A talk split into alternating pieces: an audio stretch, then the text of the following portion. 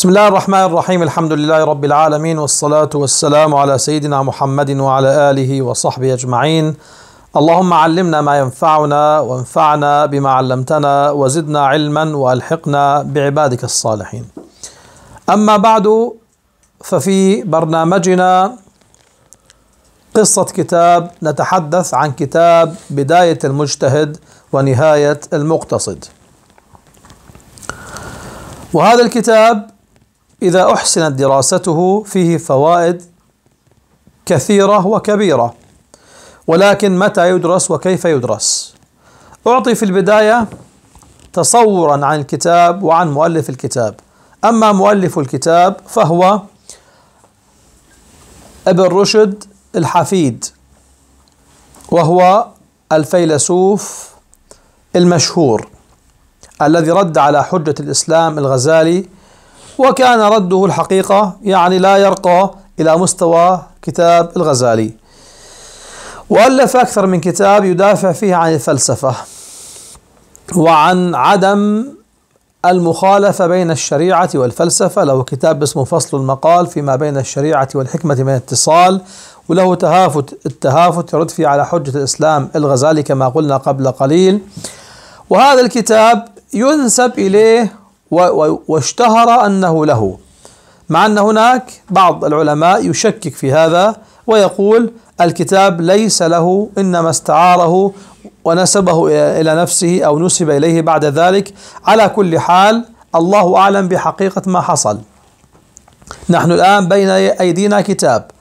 وهذا الكتاب كتاب مفيد نافع.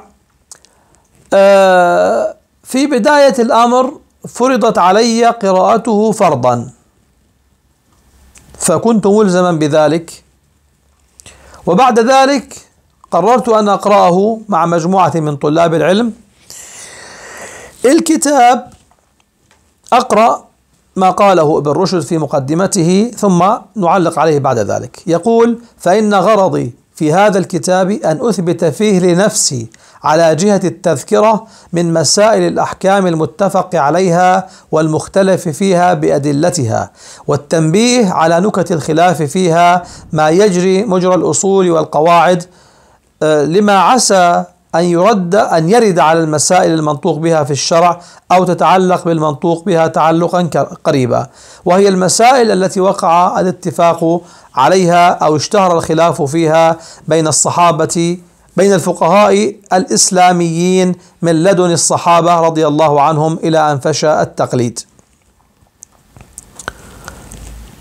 فهو كما يقول كتبه أو كتبه كاتبه من هو كاتبه الله تعالى أعلم من أجل أن يذكر نفسه بالمسائل الشهيرة ورؤوس المسائل التي حصل فيها الخلاف.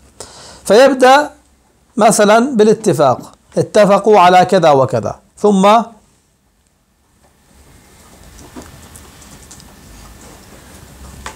يبين الخلاف.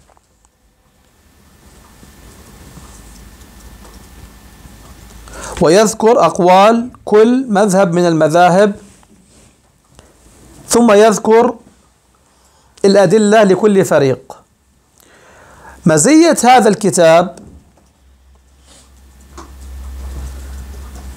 أنه يبين سبب الاختلاف. فتعلم لماذا اختلفوا في هذا الحديث. لماذا اختلفوا في هذا الحكم؟ قد يكون سبب الخلاف صحة حديث. يقول والسبب في اختلافهم هو صحة هذا الحديث. هل هو صحيح أم ليس صحيحا؟ أو قد يكون السبب في الخلاف بينهم إعراب كلمة. هل الاستثناء متصل أم الاستثناء منقطع؟ يعني مثلا المسألة الشهيرة بين في الخلاف بين المالكية والجمهور في مسألة آه، إلا ما ذكيتم فإلا ما ذكيتم هل الاستثناء منقطع أم متصل؟ إذا قلنا بأنه متصل فيكون معناه ما أدركتم ذكاته من الأصناف السابقة المتردية والنطيحة الموقوذة والمتردية والنطيحة وما أكل السبع ما أدركتم ذكاته منها وفيه حياة مستقرة قبل أن تموت؟ فهو حلال. يعني إذا وجدتها في نفسها الأخير وذبحتها تكون حلالا عند الجمهور. وإذا قلنا بالاستثناء المنقطع فيكون بمعنى لكن يعني لكن ما ذكيتم فيكون هذه خلاص هذه حرام حرمت عليكم كذا وكذا و ويكون الكلام جديدا. لكن ما ذكيتم من غيرها فهو حلال. لاحظ؟ وأمثلة كثيرة من هذا القبيل. الكتاب من أوله إلى آخره قائم على ذكر الوفاق ثم ذكر الخلاف وذكر أسباب الخلاف على حسب ما هو الشائع؟ تدخله قليل ليس تدخلا كبيرا في المسائل. لاحظت حاجة مثلا في الكتاب أنه أن قول الإمام أحمد غالبا يذكره مع أقوال المحدثين. فهو يقول قال الثلاثة واتفق الثلاثة وعند الأئمة الثلاثة ويبدو أن هذا الأمر كان شائعا في المدرسة الأندلسية. يعني لم يكن مذهب الإمام أحمد منتشرا عندهم أو لم يكن يعني أو كان يعدونه من طائفة الفقهاء مثل إسحاق وغيره. حتى ابن عبد البر لما يقول الانتقاء في فضائل الثلاث الفقهاء. فيبدو أن هذا الأمر وأيضا هذا في المشرق كان موجودا عند الطبري لكن قلت هذا كلام قديم وانتهى. استقرت المذاهب أربعة. هذه أول ملاحظة. الملاحظة الثانية قد لا تجد دقة في نقل الأقوال. إذ هو مالكي وينقل من كتب المالكية. ولكن حينما يأتي مثلا بقول الحنفية أو بقول الشافعية قد لا يكون القول معتمدا لأنه ينقل من مراجع غير مراجع أصحاب المذاهب. هذه الملاحظة الثانية. ما فائدة هذا الكتاب وما مشكلة هذا الكتاب؟ فائدته قلت لك أنه يعطيك خلاصة المسائل الشهيرة ويعطيك السبب في الاختلاف فيعطيك عقلية فقهية تستطيع أن تقارن. يعني هو مثال ونموذج لما يسمى بالفقه المقارن أو المقارن فقه يقارن قارن يقارن فهو مقارن أو قورن فهو مقارن. فيجوز الوجهان كل ما أنت كل ما هو متلقيك فأنت متلقيه. هذه فائدة الكتاب.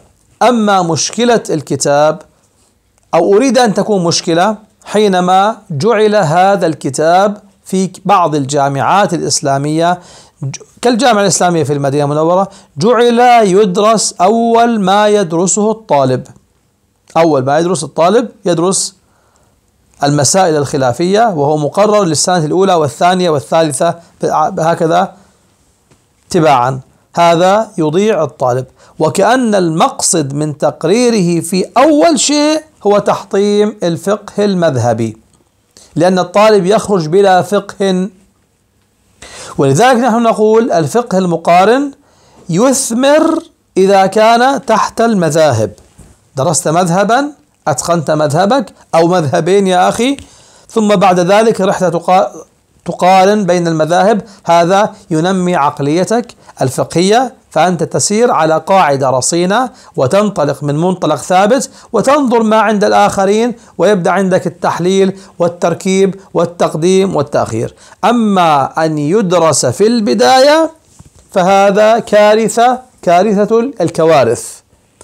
ولذلك أكثر طلاب الجامعة الإسلامية الذين لم يقرأوا المذاهب لم يقرأ على مذهب أو تعلم في لم يتعلم في بلده أو لم يتعلم بعد ذلك سله عن أي مسألة فقهية تجد عنده هذه هذه الهلامية وعدم الوضوح. يعلم أنه حصل خلاف وحصل أقوال في المسألة وتسأله عن مسألة اختلاف المطالع اختلفوا على قولين قال كذا وقال كذا. طيب أنت ماذا عندك؟ لا شيء. أو تسأله عن أي مسألة أخرى. فهذا الكتاب كتاب خادم ومتمم لتنمية العقلية الفقهية للطالب إذا ما أتم دراسة مذهب من المذاهب.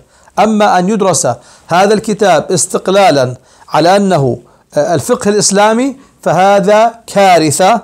لا ليس مسؤولا عنها من ألف الكتاب إنما من قرره في وقت غير مناسب. وآخر دعوانا أن الحمد لله رب العالمين.